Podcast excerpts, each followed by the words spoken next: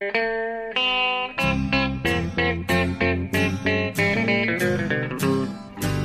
out there, we're on the air. It's hockey night tonight. Tension grows, the whistle blows, and the puck goes down the ice. The goalie jumps and the players bump, and the fans all go insane. Someone roars, Bobby scores at the good old hockey game. Oh, the good old hockey game is the best game you can name. And the best game you can name is the good old Hallå, hallå, hallå, hallå, hallå, hallå, hallå där, hallå, hallå, hallå, hallå. Yes, hallå, hallå och välkomna till NHL-podcastens eh, sommarspecial. Ja, Med eh, eh, en Jonathan Ekeliv i Stockholm och jag Per Bjurman i New York. Båda med NHL-abstinens i våra hjärtan, eller hur?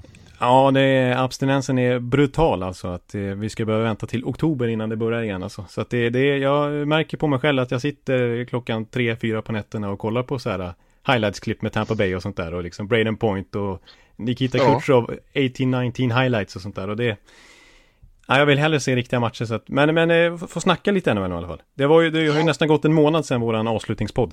Ja, vi tänkte helt enkelt att vi, vi, vi, vi försöker dämpa den här abstinensen genom att och köra ett eh, avsnitt här i, i augusti.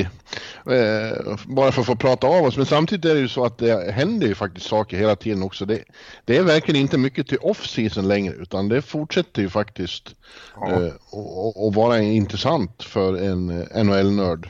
Ja, verkligen. Det är, det är mycket tunga saker vi, vi måste ta upp. Alltså tunga NHL-nyheter som, som har hänt sista månaden för att det är som du säger verkligen. Det är, det är verkligen inte brist på ämnen för oss nu. Och det är därför vi känner lite grann också att nej, vi kan ju inte vänta till september innan vi börjar spela in igen. Utan vi måste åtminstone sticka in med en podd här nu så att vi får liksom prata av oss om de här nyheterna som ju är väldigt intressanta. Ja, ja, det känns som det är skillnad på bara tio år sedan att eh, då var det väldigt stiltje i framförallt man kom in i slutet av juli och gick in i augusti. Det hände absolut ingenting men, men eh, nej, hockeyn, eh, hockeyn är en året runt sport på många sätt nu. Precis, och bara som vi kommer komma in på kanske lite också, alltså saker som inte har hänt än, som vi bara väntar på, som är en följetong under hela den här sommaren. Det är ju det här med RFA-sen liksom. Vad ska hända med. Marner? Vad ska hända med Point? Vad ska hända med Rantanen och Laine och Werenski och, allt vad de heter? Eh, Det är liksom, off-season pågår ju just nu fortfarande. Verkligen, verkligen. Ja, men du, eh, herr Ondskan, måste Ja. ju börja med dock att höra hur sommaren har varit eh, för, för unge herrn. Ja, eh, jag, jag tror faktiskt att eh, Bjupp har haft en lite mer flashig sommar än vad jag har haft. Jag, jag har ju haft, som ni vet, den klassiska Finlandsresan. Hälsa Ja. på släkten där och Ja, men det var, det var trevligt. Det, ändå, det var fantastiskt väder uppe i Vasa. Då. Vasa, ja. Uppe i Vasa. Så det var mycket trevligt. Nej, förlåt. Jag ska inte hålla på sådär. Men, Jo, du, du börjar ju prata så när du är där. ja, jag, jag får ju den Visst, dialekten. det, både jag och alla lyssnare skulle verkligen vilja vara med och höra när det, när det händer. Jo, no. Något sånt då. Nej, men det, det, det, det är någon slags blandning mellan norrländska och finländska, vilket jag uppskattar.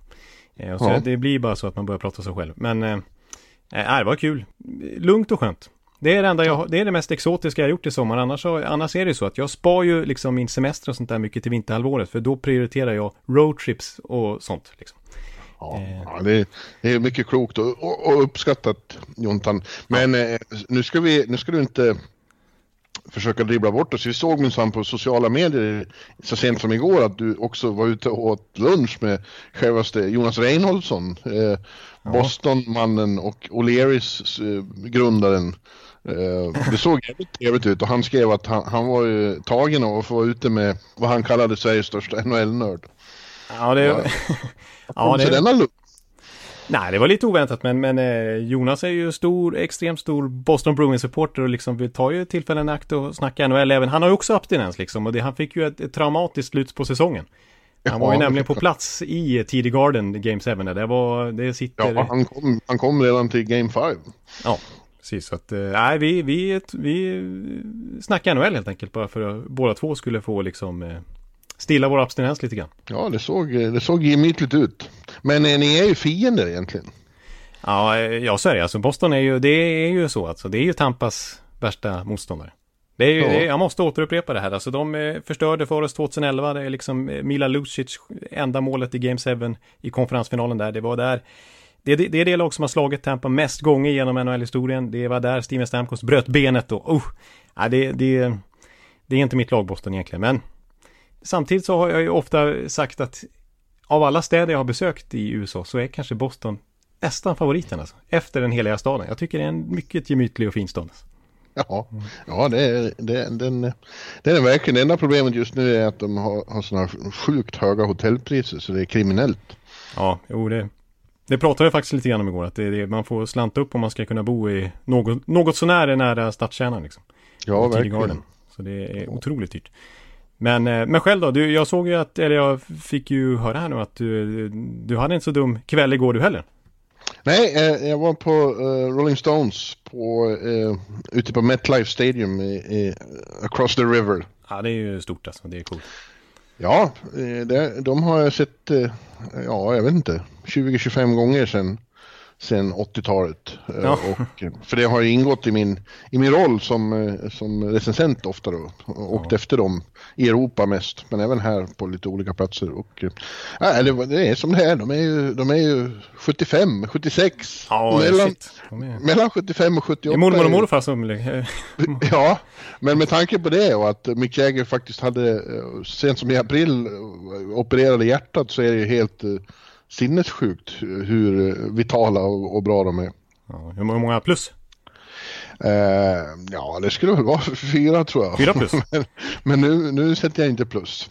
Nej, men i övrigt, i övrigt har det varit så att jag har varit här i New York. Jag har gjort eh, Summer in the City och varit i New York eh, i princip hela sommaren. Utom en eh, vecka när jag åkte ner till the CEO of everything ja, i Florida. Oj, alltså Peter då blev jag avundsjuk. Det här får du knappt ja. prata om. Ja.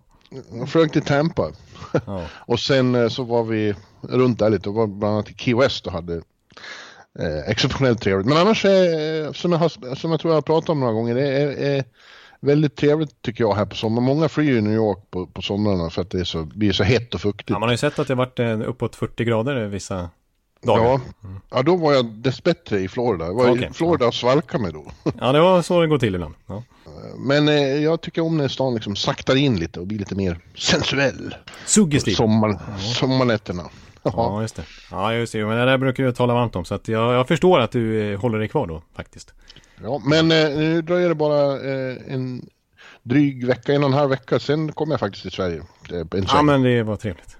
Vad trevligt. Ja. Jag ska se till att du får ett eh, Capo Cacco välkomnande på Arlanda så att vi står där en liten fanclub. Och...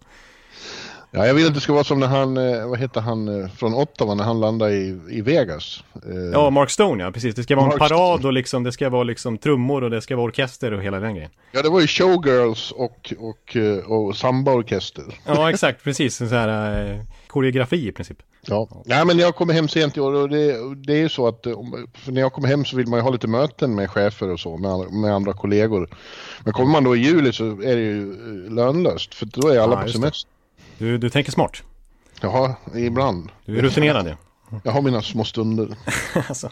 Så det är bättre att komma hem i slutet av augusti när alla, alla är vid sin läst igen. Ja, just det. Det är sant, sant. Ja, men då kanske det blir en på plats-podd på redaktionen. Jag tror att den, bör, den inleder säsongen, Jonte. Ja, exakt. Då är det dags igen och då sätter vi igång på allvar. Men vi är som sagt, vi måste få snacka NHL redan nu. Ja, det har som sagt hänt jättemycket som vi, vi är ivriga att få, få uh, ha synpunkter på. Uh, vi kan börja med, för, för, aktualitetens skull, kan vi börja med det allra senaste då, heta var ju då att uh, Rangers, New York Rangers köpte ut Kevin Shattenkirk, backen, och ja. sen gick det bara ett par dagar och igår kom då beskedet att han hamnade i Tampa Bay, tänka sig. Ja, det passar ju bra. När jag får sitta här och prata om det. Ja, på ett väldigt eh, eh, bra kontrakt. Det är ju så här med honom, det är en lite tråkig historia. Så han, det är bara två år sedan som han gick ner i lön för att få komma till New York. Han är uppväxt här i trakten och ville så otroligt gärna spela i New York Rangers. Så han tog ju mindre i lön än, än vad han skulle ha fått från Alltså han var ju nummer ett, två, sommaren 2017, alltså när vi satt och pratade liksom första juli då, det summerar allt vad som har hänt. Och då var det ju så att han var den största free värvningen Det var i alla fall bland backar. Visst, Alexander Radulov var väl på liknande nivå, men det var huggsex om, om Shattenkirk. Och så som du säger, han väljer en, en discount för att gå till just Rangers. Det var hans dröm som han sa. Ja, och det har inte blivit så någon succé precis. Han har, ju, han har inte varit eh, någon katastrof tycker jag. Han har inte heller varit eh, särskilt eh, framstående. Och det finns ju, det har ju bland annat berott på skador som har förstört hans, hans sejour här. Precis, knäproblem framförallt. Ja. Eh, och det är ändå många som är förvånade över att det, det slutar så här. Men, för, ja, han har inte varit utköpsdålig, liksom, tycker jag. Nej, man tycker det finns andra kandidater än Brendan Smith till exempel, eller Mark Stahl och sådär. Ja, och det, det är ju så i, i, som, som det är upplagt nu då så får de, de får un, undan utrymme under taket i år. Men nästa år så får de, får de eh, nästan, de får 6 miljoner i dead space som det heter. Ja, exakt. Det är ju, det är ju anmärkningsvärt för det är precis som gör att det här kontraktet inte passar så bra att köpa ut egentligen. Visst, 1,4 miljoner bara i capita nu jämfört med de 6,6 han tjänar. Och skulle gjort mm. det det här året och kommande året om han hade fortsatt med det här kontraktet. Men nu som du säger, eh, nu blir det alltså över 6 miljoner nästa år. Som, ja, som inte används till någonting då, som bara tar massa löneutrymme för ingenting. Så ja. det kändes inte, kändes inte optimal det här alls. Och jag är förvånad faktiskt, för grejen var att Rangers försökte ju verkligen trada bort honom. Eh, innan, och var till och med beredd att kanske behålla halva lönen så att man skulle kunna behålla 3 miljoner dollar då. Men bara i två år som det hade blivit då. För när man köper ut någon så blir det dubbelt så lång tid man måste dras med delar av lönetagsträffen. Mm. Men det var ju inget intresse alls. Eh, så. Nej, men alltså, jag har diskuterat bland annat med Tobias Pettersson om det här. Det är, det är så att de, han är ju på högersidan då. Mm. Eh, och där har de en massa namn som kom in. Han har liksom blivit i vägen. Ja. Eh, så, så, de behövde få bort honom. Ja, exakt. Alltså, Troba är ju den stora värvningen liksom. Eh, högerfattad. Ja. 8 miljoner dollar per säsong. Vilket ju har gjort en av anledningarna ihop med Panarin. Inte minst då att de har hamnat i trångmål helt plötsligt. Eh, lönetagsmässigt. Men också Adam Fox är högerfattad. Den här fantastiskt spännande eh, collegebacken som kommer in nu. Och så Anthony DeAngelo som faktiskt tog lite powerplay-tid av Chattenkirk förra säsongen. Eh, mm. Så att, och alla de där är högerbackar liksom. Eh, att, ja, det, de har haft en bra off-season Rangers, men det här, det här blev ju ett litet snubbel på slutet får man väl ändå. De, de såg att det här var det enda de kunde göra, men det var inte helt lyckat alltså. Nej, nej. och jag måste nämna i sammanhanget också, alltså för Chattenkirks del igen, alltså att ja, det är ju typiskt för hans del att jag menar, Washington går och vinner året efter han har varit där. St. Louis går och vinner cupen nu efter han varit där. Så eh, för Rangers är kanske det positivt. Nu kanske de vinner bara för det. För nu har ju Chattenkirk lämnat. Så om man ska gå efter den ja, filosofin. Han, eh, han eh, sa, jag såg en intervju här igår med, med Car, vår vän Carpi att eh, han är pissed off över det här. Ja. Chattenkirk. Och det kan ju vara lovande för Tampa då, för som sagt, Tampa klev plötsligt in på scenen och skrev ett, ett betydligt mindre riskfyllt kontrakt med honom igår. Ja, precis. Och det här känns ju, jag har goda känslor kring det här kontraktet. Dels som Tampa-fan, för jag tror att det, det, det, känns ju gött att det liksom är, det är bara 1,75 miljoner capita och ett ettårskontrakt, så det är väldigt låg risk om det skulle floppa. Men jag ja. tror också för Chattenkirk att komma till ett offensivt lag där han kommer få en offensiv roll. Han kommer förmodligen, jag menar de har ju både Sergejev och Hedman visserligen som offensiva backar, men han kommer nog få, få en hel del powerplay-tid. Han har ju inte så mycket press på sig nu när han har en låg capita och det är bara ett ettårskontrakt. Så att det är liksom inte samma tyngd på axlarna som han hade i Rangers när han var liksom prestigevärvningen.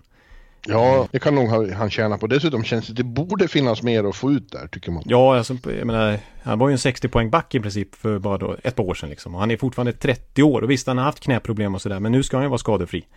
Och nu är det lite sådär också igen att han, han, han det sägs ju att han erbjöds ett gäng tvåårsavtal från flera klubbar.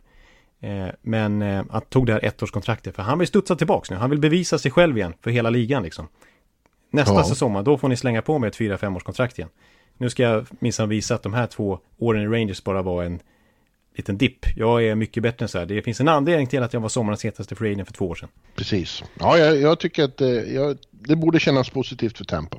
Ja, jag är mycket nöjd. Jag är mycket nöjd. När vi ändå är inne på dem så kan vi ta några fler saker som har hänt kring, kring din klubb då, så vi har det överstökat. Ja, det kanske lika bra att ta direkt. Ja. Ryan, vi fick beskedet från Ryan Callahan, han måste sluta. Mm. Och uh, de har gjort sig av med det kontraktet det, ändå, eller hur? De... Ja, precis. De lyckades ju trada bort det till eh, Ottawa naturligtvis, som ju älskar att samla på sig liksom just dead. Som älskar att vara dåliga på alla ja, sätt och vis. Ja, precis. Och som älskar att ta emot, eh, alltså deras utmaning för den här sommaren, det har ju varit att nå lönegolvet. Liksom är, alla andra lag brottas med att inte ligga över löntaket, för Ottawa är det precis tvärtom. Och Eugene Melnicks mål är ju framförallt att ja, vi måste ju förstås över lönegolvet, men betala så lite faktisk lön som möjligt. Och ja, alltså vi, vi pratade mycket om det vid första juli där liksom. Alla de här, när de tradade till sig Sightsev till exempel, Conor Brown, då såg de ju till att Toronto betalade deras signing-bonusar innan själva traden förverkligades. Och i det här fallet så får man en, en hög cap hit som Callan hade på 5 miljoner dollar. Visserligen hamnar den på long time in reserve. Men man får i alla fall den och man behöver inte betala mm. någonting för det är försäkringar som står för nästan allt av det där. Eh, så att man har liksom jobbat sig över lönetaket, eller lönegolvet, men man betalar. Jag vet inte hur, hur mycket faktisk lön man betalar, men jag tror inte, det är absolut inte lönegolvsnivå, utan man ligger nog under lönegolvet när det kommer till faktisk löneutbetalning. Ja. Ja, de är ju knappt, det är knappt NHL-status på Ottawa Senators längre. Det är bara Nej. knappt. Ja, eh, Tampa har också skrivit nytt kontrakt med sin eh, eh superstar till målvakt, Andrei Vasilevski. Ett, ett riktigt fett kontrakt.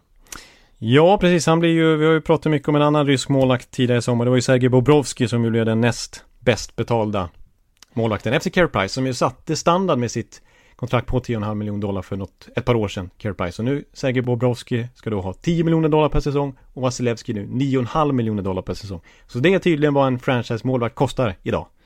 Mm. Man får vara, det är uppåt 10 miljoner dollar. Det är ett åtta års kontrakt, maxlängden. Eh, är... Men han är ju uppenbarligen värd det för att eh, han hade ju enastående siffror redan den gångna säsongen men, men ska, man, ska man tro Anton Strålman som gjorde en avskedsintervju med Joe Smith på The Athletic ja. bara för några dagar sedan. Så eh, det var ju en väldigt intressant intervju med, med den alltid franke och, och begåvade Anton. Han har nästan alltid en poäng i det han säger. Lite egen synvinkel men man liksom, det är svårt att inte hålla med. Ja, han pratade där om att trots att det gick så otroligt bra, trots att de slog rekord i antal poäng, så tycker han att de bara ögonblicksvis spelade riktigt bra, framförallt defensivt. Ja. Och att de släppte till på tok för mycket chanser. Och han menade att det handlade enormt mycket om Vasilevski och att hade Tampa dessutom spelat bra defensivt och minimerat målchanserna på det sätt de borde kunna, då hade han haft eh, bisarra siffror. Ja, exakt. Nej, han, han, precis, han sa ju det att eh, Vasilevski maskerade våran mediokra ja. defensiv. Det var han som kanske störst del i att, eh, att Tampa faktiskt vann grundserien så överlägset. Inte Nikita Kutjerov som fick Hart Trophy liksom. Det var, han lyfte verkligen fram Vasilevski och sa faktiskt att det är den bästa målakt han har haft bakom sig. Ja, I, ute säger... på isen. Det säger, jag menar, han har ju ändå spelat med Henke Lundqvist liksom. Ja, han får ta det med Henke när de Ja, precis. I Henkes prime.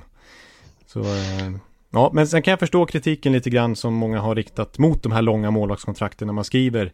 Jag menar, de tar upp en sjunde, sjätte del av den totala lönekakan liksom på en målvakt. Och jag menar, det är egentligen bara Henke Lundqvist som över tid, vi pratar tio år som det här, det blir ju, det är ju nästan ett decennium långt kontrakt. Som lyckas hålla en jämn nivå säsong efter säsong efter säsong, som inte har stora skadeproblem. För kollar vi på liksom de, den senaste tio årens bästa målvakter så har ju de varit upp och ner. Jonathan Quick, Corey Crawford, Roberto Longo, Bobrovski har haft sina problem.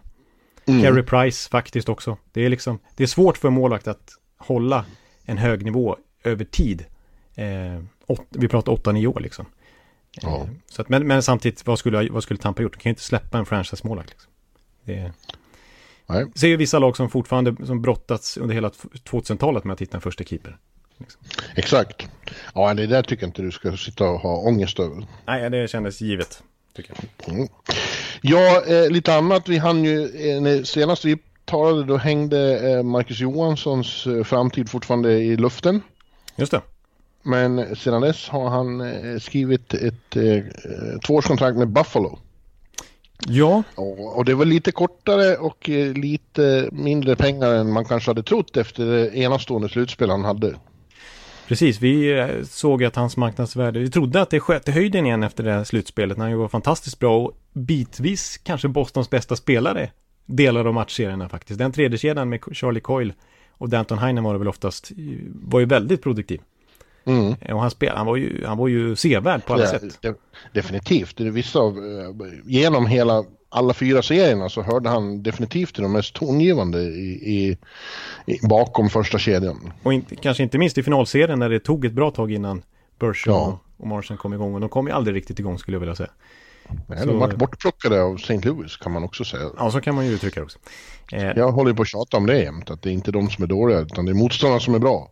Ja, då, precis. Det kan man eh, poängtera och just i slutspelet blir det ofta så. Ja.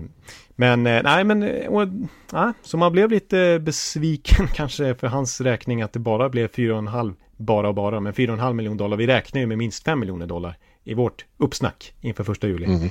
Och eh, bara två år, inte längre än så. Men det, det var helt uppenbart att klubbarna var lite rädda för hans hjärnskakningshistorik. Som ju har Ja, förstört lite för han de senaste två, tre åren. Ehm, och tidigare liksom, både kanske i, lite grann i New Jersey, men framförallt i Washington så för, menar, han är ju inte purung längre, han börjar väl närma sig 30, han är lika gammal som jag, född 90. Ja, vilken gammal gubbe. Ja, precis, men jag har lite begynnande 30-årskris vet du. Ehm, Ja, har du? Ja, det är på gång. Det var därför du var och tränade igår. Ja, vi- exakt, jag var och tränade så jag är lite trött, i- trött just nu faktiskt. Ja, du ser. Eh, Han det, satsar på en hunk här, vår unge man. Ja, det, Från- det, det är att ta i. Men 30-årskris, det köper jag. Eh, men, eh, vad tappar jag. Nej men eh, i Washington så var det, du vet, du minns ju liksom Johansson, vad, vad hade han för roll där egentligen? Var han tredje kedjespelare? Var han center? Var han ytterforward? Var han i första kedjan? Var han powerplay? Liksom. Nej, det var ju aldrig riktigt etablerat. Liksom. Nej, precis. Så att, och han, på det viset var han ganska ojämn i sin produktion då, för att han hade så olika roller hela tiden. Så jag tror också att det kan varit en faktor att klubban var Ja, liksom jag- inte riktigt tycker- säkra på vem han är för att ge han fyra, fem år. att, att, jag tycker ändå att eh, framträdandet under slutspelet borde ha övertrumfat de, eh, de eh, Dubierna. ja, dubierna. Eh, men nu blir det Buffalo. Och det, det är underskattad stad om vi ska tro Linus Ullmark och andra som bor där. Ja, det är inte, inte många som håller med dig. Men det är som du säger, även Dalin tokhyllar ju sin hemstad här. Ja, det är jävligt många svenskar där nu också. Ja, verkligen. Det är ju eh, alla möjliga. Lawrence Pilot och Viktor Olofsson som jag tror mycket på den här säsongen. Med flera, med flera. Ja, ja och det, vi vet ju hur det är där. Det borde finnas, de har väldigt svårt att, att, att få ut eh, saker och ting ur sin kollektiva potential, men den finns ju där. Verkligen. Och jag skulle vilja säga, så som den här sommaren har varit så har de ju faktiskt inte tappat någonting som de har velat behålla. De har ju släppt iväg så här Jason Pominville och du vet. eh, Sådana som de ändå inte ens övervägde att förlänga med. Och så har det ändå kommit in en Marcus Johansson, det har kommit in en Jimmy Vesey som ju, man vet ju aldrig riktigt vad det, vad det ska bli av honom. Men det finns ju lite potential kvar där kanske. Och Och så han finländske, finnen. eh, Jocki eh, ju. Ja, som ju många tror på. Precis, och den traden är väl värd att uppmärksamma. Jag ska nämna också Colin Miller på backsidan. Eh, Men, men Jocke hade ju spännande för det var ju mot Alexander Nylander. Ja, Den traden ägde ju bara någon, några timmar efter att vi spelade in vårt långa avsnitt. Eh, Just Så, det. så det har ju nästan gått en månad, men vi fick inte med den då. Eh, Men eh, det var ju en liten smygbomb, skulle jag vilja säga. Jag menar, ja, Alexander hamnar i pappas gamla klubb. ja, En av pappas Chicago ja. klubbar. Ja, det, det finns många ex-klubbar för Mikael Nylander.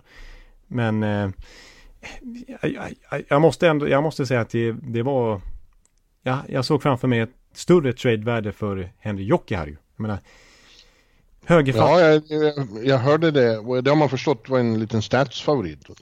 ja, precis, han hade ju fin underliggande siffra på sina, sin korta NHL-period i, i Chicago. Han hade ju stort förtroende hos eh, Joel Quenville så länge han var kvar. Men när Colleton tog över så liksom, nej, då blev det inte så mycket speltid för honom. Han skickades ner till AHL igen, han skickades till JVM trots att liksom, han hade ju varit ett sånt där spel som kanske hade kunnat behållits av sin NHL-klubb och inte släppts. Men de var ju dominant i JVM, var ju fantastiskt för Finland som vann guld. Och även i AHL var han väldigt poängstark. Medan Alex Ny- Alexander Nylander har ju varit en besvikelse ändå. Eh, bara 0,5 poäng i snitt under tre säsonger nu i AHL. Det har liksom inte riktigt hänt någonting där än. Visst, man ser ju stor potential där, men det har liksom, nu har det ändå gått några år. Så att, eh, Ja, men han kan... eh, Det känns som eh, i rätt miljö så kan han få en nytändning. ja, alltså jag vill inte räkna bort han än. Jag menar, han är född 98, liksom att han skulle, att man skulle döma ut han redan nu känns ju dumt. Men utifrån de indikationer man kan utläsa av Jocke Harju respektive Nylanders proffskarriärer hittills så är jag betydligt mer spänd på Jocke Harju. Plus att är man ung högerfattad back så borde man ha ett högt marknadsvärde.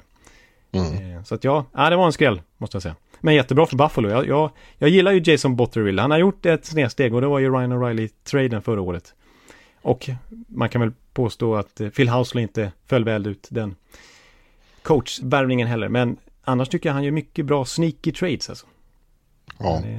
Det, Men eh, å andra sidan står han vid ett, eh, ett dramatiskt vägskäl nu om om eh, inte det fungerar med Kruger heller som Nej. coach. Man sparkar ju coacher som, som, eh, som jag vet inte vad. Han byter strumpor ungefär. Ja, jag, jag tänkte försöka undvika den ja, klyschan. Tack, bra.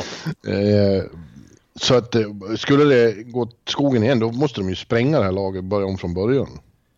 Ja, och då får nog inte Bortrill sitta kvar nu. Nej, precis. Nej, ja. Ja, vi återkommer om det i vår stora preview så småningom va? Ja, det lär vi göra. Då blir det mycket mer Buffalo, liksom nörderi. Vi kan också konstatera att Ray Shero eh, fortsätter att göra ett storartat jobb i New Jersey. Han har verkligen inte gått på semester utan eh, när vi trodde att det kanske nu kanske ändå blir lite stiltje här som är, då slår han till och eh, tradar till sig Niki, eh, vad heter, Nikita Gusev. Gusev. Mm. Nikita Gusev ja, från, eh, från Vegas.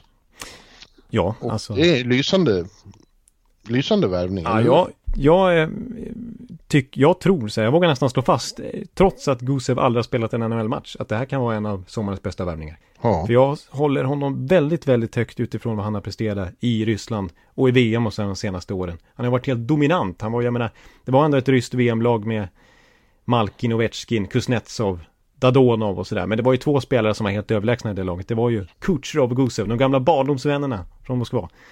Eh, båda gjorde ju 16 poäng. Det var ju bara Nylander som slog dem faktiskt i, i VMs poängliga medan dubbelt så mycket poäng som Malkin till exempel. Mm. Eh, och det, det, nu ska jag inte säga att han är dubbelt så bra som Malkin naturligtvis. Men, men jag tror att, att det är en, en Panarin det, det är att sätta väldigt höga krav på honom. Men det, det, en, det kan vara nästan en Panarin-succé här. Jag tror inte, det finns nästan ingen flopprisk skulle jag vilja säga. Eh, folk Nej. har dragit upp så här Plotnikov, vilket fiasko han var i i, eh, i Pittsburgh och att Nishushkin, han gjorde inte ett mål i Dallas liksom, kommit över från KHL. Men det var på en annan nivå, alltså Gusev Och han, eh, den andra ryssen i, i Vegas som aldrig ja, fick Chipachov, precis. Men han fick ju aldrig riktigt, å andra sidan riktigt chansen. Det blev bara tre matcher.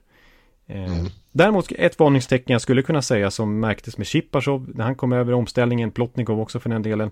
Eh, och som Chicago var väldigt noggranna med när de tog över Panarin.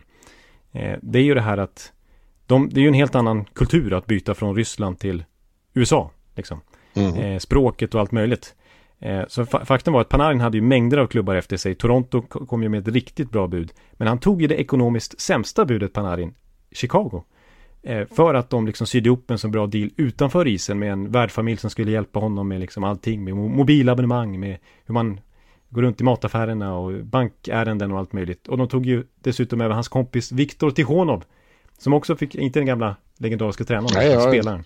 Som också var med där och, eh, hjälpte honom liksom en transition. Barnbarnet till, till, till den stora till honom, är det inte? Ja, jo det är det, precis, det är barnbarnet. Mm. Eh, så att det var ju det som gjorde att eh, Panarin så snabbt akklimatiserade sig och trivdes så bra och på det viset också fick ut allt, allting på isen också.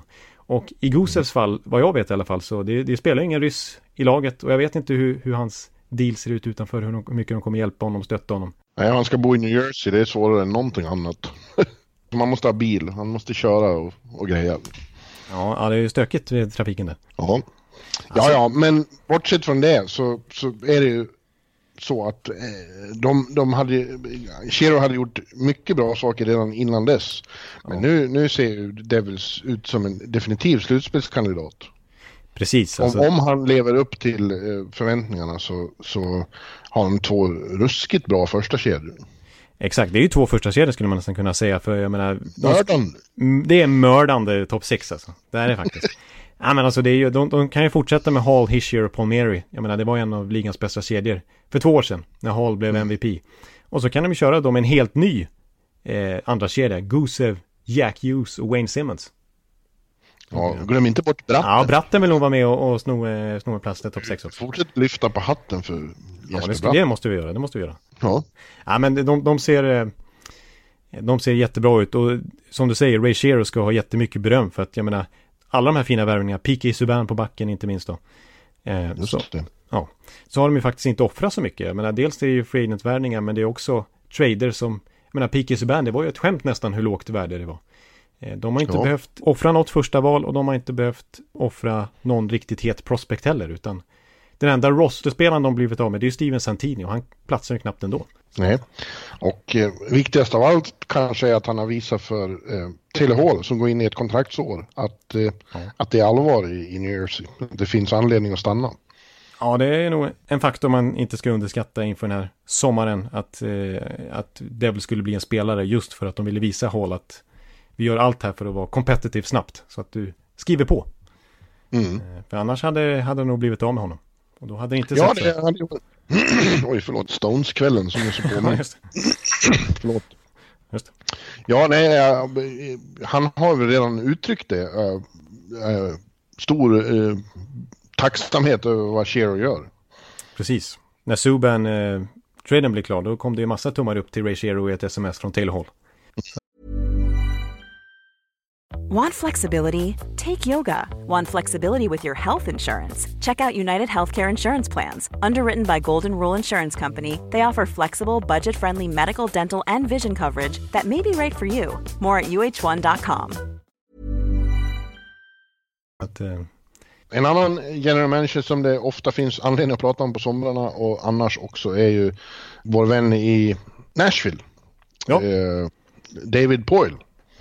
Och han har utmärkt sig i sommar också genom ett eh, väldigt underligt eh, kontrakt. Eller ett typiskt eh, Poyle-kontrakt får man väl säga då med, Ja. med Colton Sissons. Som eh, går eh, Kalle Järnkrok-vägen får man väl säga. ja, det kan man väl kalla det. Det är på hur många år var det? Sju år. Sju år och så är det bara två miljoner någonting Eh, per säsong. 2,75 eller vad det var. Jag har inte siffran exakt i huvudet. Men något, det var under, det var någonstans mellan 2 och 3 i alla fall. Det där är ju eh, en underlig konstruktion, alltså som, som bara han använder i princip. Ja, det, vi såg ett till sånt kontrakt i som, sommar här. Det var ju Brandon Tanner som en sån här breddspelare som skrev på för sex år i Pittsburgh. Ännu högre capita, eh, 3,5 miljoner fick han. Och det såg jag jag som den sämsta dealen på hela sommaren. Den sämsta. Ja, den, den känns inte, medan det här känns positivt så känns inte det positivt. Nej, Han känns övervärderad, det kan man ju inte säga att Colton Sisson är. Nej, precis. För visst, man kan... Generellt sett så är jag på den sidan som eh, liksom hävdar att det är farligt att ge breddspelare term. Alltså ge dem långa kontrakt. För det De är oftast liksom utbytbara. Att då liksom sitta med dem 2026 fortfarande på kontrakt. Man vet ju inte vad en Colton, 32-årig Colton Sisson är då. Men just i Sissons fall så måste jag ändå säga att jag tycker det känns bra. Och Järnkrok har ju liksom fallit väl ut. Eh, den dealen än så länge. Eh, Och Ja. Sissons är lite underskattad skulle jag ändå säga. Det är liksom en, en riktig allt-i-allo i det där laget. Han har ju fått ibland, inte för att det är optimalt, men han har ju fått vikariera som liksom första center ibland när det varit kris. Och han, han, han är otroligt viktig för deras boxplay som är mycket bättre än deras powerplay. Och han är- är bra i en checkingkedja, han är bra som center, han är bra som ytterforward. Och jag såg statistik på att de senaste tre åren så är det bara två spelare som har fått färre offensiva zonstarter än Sissons har fått. Så det säger ju allt om hans liksom defensiva roll. Och ändå så har han nästan 50% i course, han liksom flyttar fram spelet och han har gjort, varit inne på 33 mål fler framåt än bakåt när han liksom nästan alltid startar i egen zon. Så att det är en riktig städgumma och liksom som kan axla nästan vilken roll som helst. Ja, ja jag, jag, jag, jag, jag gillar den där, eh, vad ska man säga det, kreativa sättet. Annorlunda, okonventionella Ja, lösningarna. Så applåder till, till Poilien som vanligt. En, en eh, general manager, för att fortsätta prata om, om sådana som har haft en mindre rolig sommar eftersom han inte längre är general manager, är då Paul Fenton. Ja. Eh, Minnesotas GM som efter ett, eh, bara ett drygt år får packa och åka hem. Ja, vilket, vilken flopp. Ja, det får man verkligen säga. Ja. Eh, tränare är ju en sak, det är, det är ju nästan, det är ett större ingrepp att göra sig av med sin general manager eftersom det är den som bygger laget och sätter tonen. Exakt, och så mitt i sommaren. Liksom. Ja. Under off-season. Ja, och det känns ju tveksam. Tidpunkten känns ju tveksam. Om han nu har varit så dålig då borde ju detta ha, ha skett redan innan han ställde till det ännu mer då. För att, ja, det, eh, jag vet inte om du läste eh, han eh, Minnesota-mannens... Michael på- på. Ja. Ja, han hade en, en eh, utsökt genomgång av alltihop det här. Eh, Ett Ja. riktigt dokument om vad som har hänt. ja, jag läste det. Det Och, var eh, superintressant. Ja, han har ju uppenbarligen försatt sig själv i en mycket dålig situation, Fenton, och, och, och blivit osams med alla och till och med fått ägaren och, och ja, det är han som har ingripit till slut. Precis, och då är ändå... De har, har alltid haft en nära relation vad jag har förstått tidigare. För grejen är ju att Craig Leopold är ju gammal Nashville-ägare. Det har jag ju pratat om flera gånger att, Ja, att eh, han till slut tröttnade på Nashville Leopold för han sa att när det här är nu, det här har jag hört några gånger, men jag måste säga en gång till. När, när, när fredagsperioden var slut och satt folk och väntade på fjärde quartern. Så det var hans eh, omdöme om hockeyintresset mm. i Nashville. Och att han vill då gå till the state of hockey i Minnesota istället. Men det har ju visat sig funka med hockey i Nashville. Efter Leopolds dagar kan man säga. Eh, men Fenton var ju liksom alltid Poils högra hand. Och eh, i Nashville redan på den tiden Leopold var där. Och liksom Poyle har ett väldigt gott renommé så hade ju Fenton ett jättefint rykte då också. Mm. Och det var i, i många år i rad innan han fick det här jobbet i Minnesota så var ja, det... han har ju gått och väntat på att få bli högsta höns. Precis, det har ju varit snack om att säga, ja, nu finns det ett ledigt GM-jobb. Fenton vore ett bra alternativ liksom. Men nu när han fick det där gigget, det är som du säger och som Michael Russell gick igenom här, alltså han... Ja, som Leipold i princip sa, det enda han är bra på det är liksom hans scoutöga, han, han har sinne för talang, men det här man management och liksom bemöta andra människor och ta in intryck från andra. Och hur man, allt, allt som krävs när man är general manager och högsta chef, det har han varit, det har varit en, en katastrof. Ja, det ansågs att han har för, förstört kulturen eh, internt i klubben, att det har blivit obehaglig stämning. Ja, precis, både ända ner i liksom omklädningsrummet men också liksom all personal som rör sig i den arenan i princip. Ja, och dessutom då samtidigt har gjort eh, som de tycker, och det tycker väl vi med, en del tveksamma ingrepp med trader och kontrakt och grejer och, och vad han har skickat ut för signaler om vilka han vill trada och så. Ja, precis det här med, ja det finns ju allt Ni, möjligt. Nino eh, Niederreiter är väl den värsta smällen. Precis, och i, i det fallet så, så var det ju så att eh, har det kommit fram att liksom när, när, Carolina skulle göra den traden, byta bort Viktor Rask mot Nino Niederreiter, då gick de ju de hade ju scoutat eh, på plats tio matcher med Niederreiter och pratat med gamla spelare, lagkamrater till Niederreiter och coacher och sådär för att liksom vara 100% säkra vad det är för spelartyp de får. Medan i, i Minnesotas fall, de hade var ju inte scoutat Rask överhuvudtaget, utan de bara, ah, eh, Niederreiter har en lite tung säsong, vi får möjlighet att byta bort honom. Jaha, Viktor Rask, ja men vi kör. Bam. Mm. Och det blev ju en dunderflopp. Ja, nu ska vi väl... Ja, men nu, nu, nu ska vi inte döma ut Rasken här totalt, men eh, så som den här säsongen utvecklar sig så var det ju ganska stor diskrepans i leverans från respektive spelare. Ja, ja. men som sagt ändå han, fick han då sköta draften och han fick eh, fixa kontrakt som det åt Zuccarello. Vilket det nu också framkommer då att de inte var nöjda med i högre ledningen att det var ett för stort kontrakt för Mats.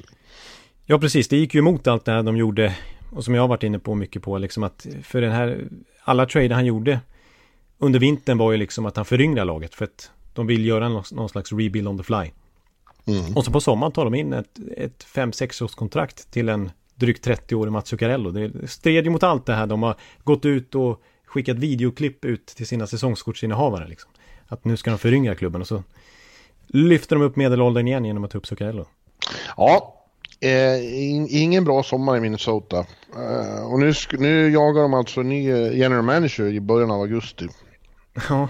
Eh, det är mycket rykten. Eh, eh, Ron Hextell har ju nämnts och det vore ju lite pikant eftersom ja. han i, i, sin tur fick sparken av Philadelphia och ersattes av... Chuck Fletcher. Ja. Gamla Wild.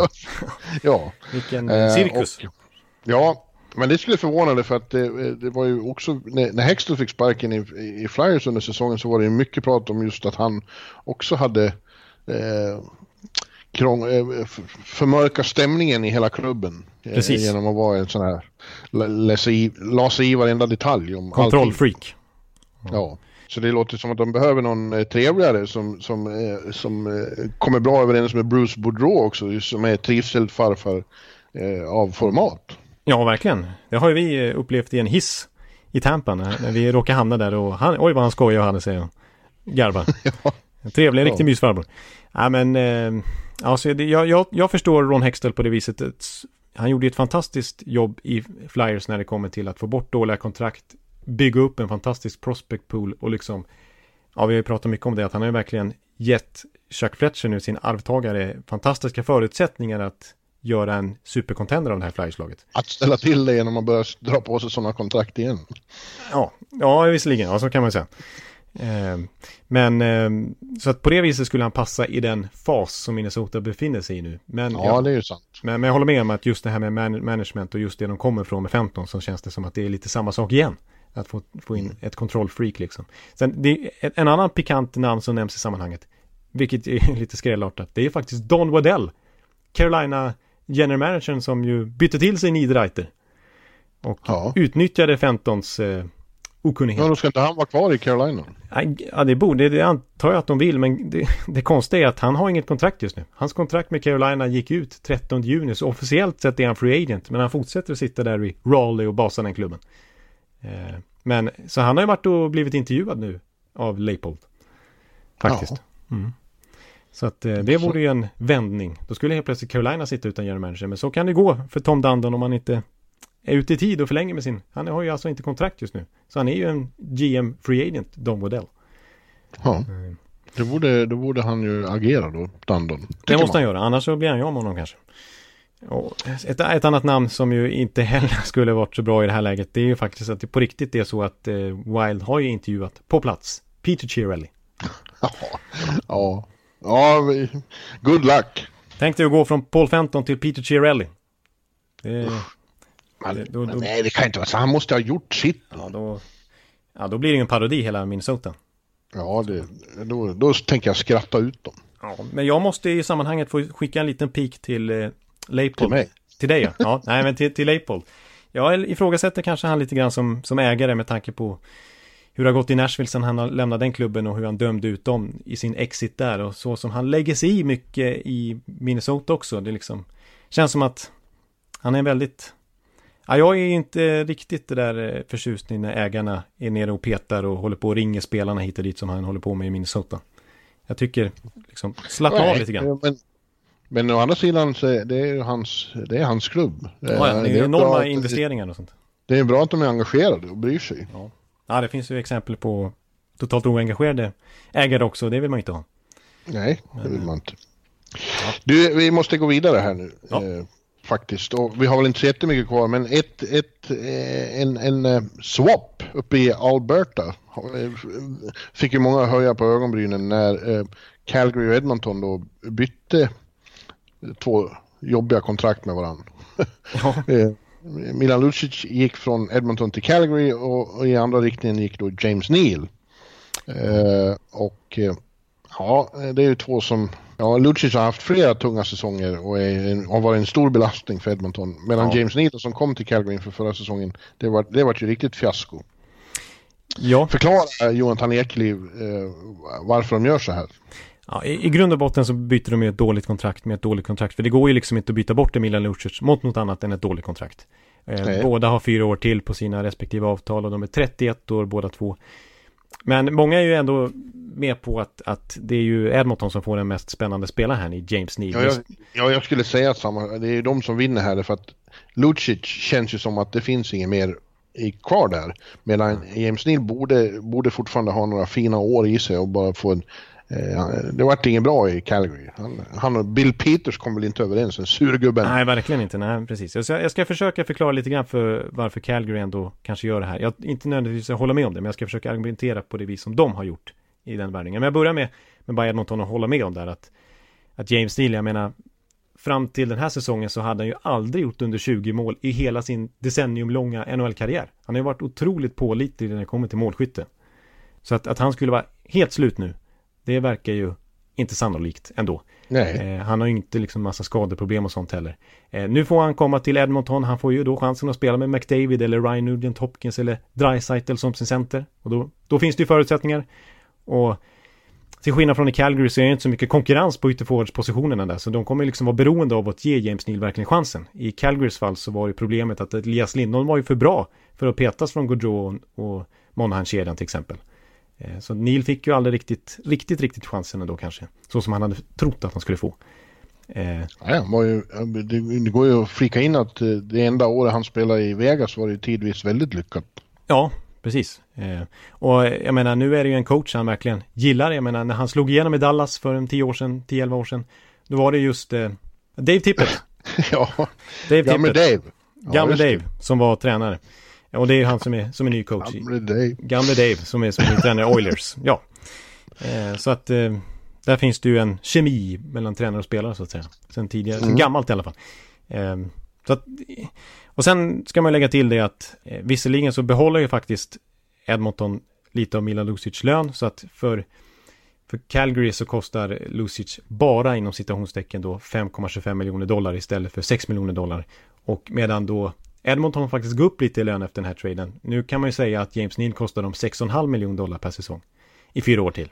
Men en väldigt, väldigt fördel för Edmonton i, man jämför de här två kontraktens struktur. Det är ju att James Neals innehåller noll signingbonusar. Och mm. Milan Lucic innehåller majoriteten signingbonusar. Och det innebär ju att det är helt hopplöst att köpa ut Milan Lucic kontrakt. Det är liksom för att signingbonusar räknas ju inte in i utköpet så då blir det ju väldigt hög capita på ett utköp. Medan i James Neals fall så finns det inga signingbonusar så att det är ett utköpsvänligt kontrakt. Eh, så om några år här, när om James Neal kanske trots allt inte presterar längre och bara kommer upp i 7-8 mål per säsong. Då är det ändå ganska enkelt att köpa ut honom. Medan Calgary måste ju dras nu med Milan Lucic de här fyra åren. Ja. På, på, det viset vinner ju Edmonton också. Eh, men ska jag försöka eh, säga då varför Calgary gör det här? ja, för, ja, prata på ja, Jag bara kör på nu. Ja, men, jag satt och tittade på en nyhet här om att Joel Edmondson har eh, varit i arbitration och får ett, eh, eh vad får han nu då? Eh, 3,1 på ett ettårskontrakt. Ja, okej. Okay. Ja, hur vet du det? Ja, det, det ska in i podden. det är ju lite, det är ju arbitration-tider också, apropå nyheter som pågår. Liksom. Mm. Få höra varför Flames gör så här. Ja, men, jag, jag tror att de överreagerar lite grann sett till deras exit ur slutspelet. Att de blev totalt överkörda av Colorado. Och jag skulle säga att det mer berodde på Colorados speed och intensitet, ettrighet i spelet, än att de var fysiskt överlägsna. Ja, verkligen. Men, och, att, eh, och att eh, Johnny Gaudreau inte klarar av att spela hockey när ytorna och tiden försvinner. Ja ja, nu pratas det om liksom att ja, men Lucic, han är mer anpassad för en bottom six-roll än vad James Neal är. För James Neal är ju faktiskt mest en renodlad målskytt. Han bidrar inte så mycket mer än så. Medan Milan Lucic då i en anpassad liksom tredje, fjärde kedja kanske skulle kunna bidra med annat än mål, eh, så att säga. Men det är väl kanske att ha lite övertro på honom i dagens form. Eh, men de, de såg helt enkelt att är lite mer grit och en mer anpassad bottom six-spelare för James Dean kommer ändå inte spela i våran top six längre i Calgary. Så det var väl det är väl det som är Calgarys anledning helt enkelt. Och att de sparar ja. lite lön också. En dålig anledning. En dålig anledning. Och de har ju fortfarande problem med lönetaket. Eh, de ska ju försöka knöla in eh, Matthew Kachuk där och det blir svårt. Nu när de bara har drygt 7 miljoner i löneutrymme. Sparka Bill Peters. ja, du gillar inte Bill Peters alltså? Nej, jag gör inte det. Nej. Ja, men du, eh, ja, eh, hur, hur, känns det? Har det, varit, har det varit kul att få prata lite NHL, Jonathan? Visst ja, har det? det har det varit. Jag ja. känner att jag bara eh, pladdrar på som bara den, så jag knappt hänger med själv, ska jag väl ärligt säga. Ja men det är bra, för jag är lite seg. Som sagt, det är Stone, Stone, Rolling Stones rullar runt i huvudet på mig fortfarande. Ja, du har lite halvtinnitus från den kanske. eh, men, eh, nej men det, jag har längtat efter den här podden. Fan, det, det, det, är otroligt kul att det ändå närmar sig. Liksom. Det, är en, ja. det är en tung månad kvar innan, innan vi har, camperna börjar ju faktiskt runt den 10 september. Det 11, 12 Ja, men det kan man trösta sig lite med. Det är ändå, vi kan bara säga att det är en månad kvar tills, till camperna kommer igång i alla fall. Och då är det ju liksom, då känns det ju, då, kan, då, då finns det hockey att titta på liksom. Första matchen, första träningsmatchen spelas 15, en söndag. Ja. Det ser man fram emot. Det är, visserligen, du brukar ju, när vi väl är där så brukar du totalt döma ut de där pissträningsmatcherna liksom. Där det, ja. de, halva laget spelar i någon, helt på en, en, helt annan stad liksom. Och det, det är ingen ja. energi alls. Men ändå, det är hockey. Men precis när de börjar så är det ju en underbar eh, eh, markör om att vi, hockeyn är här igen. Precis, och du får känna den här eh, lite halvkvava eh, lukten av hockeyhandske och sådär. Ja. Då vet man att det är på gång. Ja. Innan vi återgår till sommardvala så ska vi också berätta, eh, eller bara tisa lite om att ni ska hålla utkik, bästa lyssnare, för att det kommer att komma en sån här resa som vi gjorde i, i våras. Kan komma rätt snabbt eh, innan säsongen. Ja. Det är väldigt spännande saker som, som planeras kan vi väl säga. Vi får inte säga ja. så mycket mer Nej, än vi så. kan inte säga så mycket men utifrån det jag har hört så, så känns det otroligt eh, spännande. Kommer bli en, en grym resa, tror jag. Håll utkik överallt, inte minst på mitt Twitter till exempel. Där, där kommer det att smälla till när, när, det finns möjlighet att boka denna resa eh, under hösten. Ja. Spännande, intressant. Ja, oh, det är väldigt spännande. Så att det här, det, jag håller med. Håll utkik. Det, det, kommer, det kommer smälla ner en liten bomb där i Bjurmans Twitterkonto. Ja, och, och eh, bara, bara, bara tanken att få hänga med oss. Ja, det är ju bara en sån sak. Nej då. Det, det, ska, det var en rolig resa senast, så det ska bli kul att, att få återupprepa. Eh, Ja. Liksom en... Ja, stöta på liksom andra NHL-nördar i USA och få se matcher live. Du var ju rena Ted Åström i, i Sällskapsresan på Nuevo i Stockholm. Suntrips bästa reseledare. Ja, jag trivdes bra att sitta och prata i en mick i en buss. Hej på dig. Sa du, gick du omkring och sa hela tiden när du träffade gästerna. Hej på dig, hej på dig. Ja, det är det. Ja. ja, men jag ser fram emot en repris. Plocka upp kulor. Du får, jag tycker du ska ha sån här gym- morgongymnastik med gästerna. Varje Ja. morgon. Det kan jag säga att det kommer inte vara med i liksom dealen eh, när vi marknadsför den här resan. Det, Kulor? ja, det tror jag skulle vara avskräckande faktiskt. Så nu, Ja. Det tror jag, men jag skulle vara med bara för att få se det, jag lovar. ja okej. Ja. Men jag, jag, jag måste flika in, ja, nej det där, det där lämnar vi. Det vart en Ja, nu blev, parentes. det- nu blev jag obekväm. Off topic. Ja. Men jag ska säga också innan vi håller på att runda av här att eh, folk kanske undrar då varför inte Marner signade den och Point och Ranten och Line. Som jag sa här i början, Connor. Just det, du börjar ju med det. Besser, Wierenski, McEvoy, Provorov. Det finns ju ett, ett helt uppsjö av unga superstjärnor som fortfarande inte har kontrakt. Och folk är väl oroliga och sitter och uppdaterar sina sociala flöden och hemsidor och allt vad det kan vara för nyheter. Det händer inte så mycket. Men det, ja, jag skulle säga att det är... Om man ska försöka förklara det på något sätt så vill jag ändå säga att det, det är ju en helt ny marknad vi ser den här säsongen. Och det, det finns så få, det finns bara ett prejudikat för de här spelarna, skulle jag vilja säga. För många av dem i alla fall. Och det är Austin Matthews. Alltså, om man kollar på liksom McDavid och alla stora stjärnor för några år sedan, Gaudreau, eh, McKinnon och alla de här. De, då skriver man ju liksom 7-8 års kontrakt direkt. Man får, klubbarna får köpa loss några UFA-år och så blir det en viss capita som är ganska hög. Mm. Men, men eh, i det här fallet så, eh, så är det så. När Matthew satte ju en ny standard eh, när han bara skriver fem år. Inte ett enda UFA-år köps loss. Det är liksom ingen bridge heller, utan det är liksom ett medellångt kontrakt med en väldig massa pengar. Alltså man ger han, alltså det är ju nästan McDavid-pengar som Matthews får eh, på ett femårskontrakt bara, utan att köpa loss UFA-år. Så det är det som är liksom Marner tittar på nu. Eh, och det har ju kommit, kommit uppgifter så här att, att Marner är den som kommer sätta domino-brickorna i rullning. När Marner väl skriver sitt kontrakt, då kommer de ha ytterligare ett prejudikat liksom att förhålla sig till. Och det är han som Point och Rantanen och Line och så vidare kollar på. Eh, och så här kan jag säga också, att Marner kommer skriva på. Ja, men det- vad är det du försöker säga? ja, men sen måste jag också säga att det här kommer ske innan säsongen börjar. Så man behöver inte vara så... det, kommer att dra, det kommer att dra ut ända till dess. Kan Ja. det göra, eller hur? Ja, det kan det göra, men det kommer inte bli som i Nylander-fallet att de spelar två månader på säsongen innan Marner skriver på till exempel, utan det kommer ske innan. Och i, i Torontos fall så är det väldigt tydligt varför. Och det är ju för att skriver man på när säsongen är igång, då blir ju faktiskt cap-hitet den säsongen högre än vad liksom det kommer vara resten av säsongerna. Alltså i Nylanders fall till exempel, han skrev på för 6,9. Men i och med att han skrev på nästan i december så blev hans capita första säsongen 10 miljoner dollar. Då hade ju dock Toronto råd med det. De hade så mycket löneutrymme så det gjorde ingenting att Nylander hade 10 miljoner dollar förra säsongen i capita. Men nu ligger ju Toronto så otroligt tajt mot löntaket. Så de har inte råd liksom att låta Marners capita den här säsongen skena iväg till 13-14 miljoner dollar som det kommer bli om man skriver på när säsongen har börjat. Och därför kommer Toronto se till att lösa det här innan säsongen börjar och då kommer dominot att falla. Och så kommer alla de här i fasen vara klara innan vi släpper pucken. Tror du det finns risk med någon av de här att det, att det blir något eh, oväntat eller, eller jobbigt? Eh, ja, kanske. Jag tycker ändå vissa av de här spelarna är lite svårbedömda. Eh, eh, även om man bortser från den här nya modellen när de kräver mycket mer pengar än vad man har gjort tidigare. Men jag tänker, vad ska en Line ha till exempel? Det kan bli, Mm. kan bli stökigt liksom med tanke på hans enorma mål torka under vintern. Men samtidigt vet alla vilken enorm högsta nivå han har. Ja. Ja. ja, det blir spännande det också. Ja, det blir det också. Allt blir spännande. Allt blir spännande. Ja, ja, precis. Och snart är vi ju, jag menar, det är, det är bara några veckor så är det september och då, och vi har vår på plats-podd här i Stockholm snart. Så snart är vi faktiskt igång. Den här semestern är nästan Ja. slut. Ja, det ska bli eh, exceptionellt kul. Ja, det ska det faktiskt. Tills vidare får jag fortsätta med min eh, 30-årskris, gå och träna och sånt där. Ja, och jag ska eh, ladda för Sverigebesöket. Ja, men vad trevligt. På återhörande från Sverige då helt enkelt. Ja, om bara någon vecka, eh, några veckor, så hörs vi igen. Och Ja. tack för att ni eh, tog, eh, tog er tid mitt i sommaren och, och lyssnade på, på oss, ni som nu har gjort det. Det är trevligt. Yes.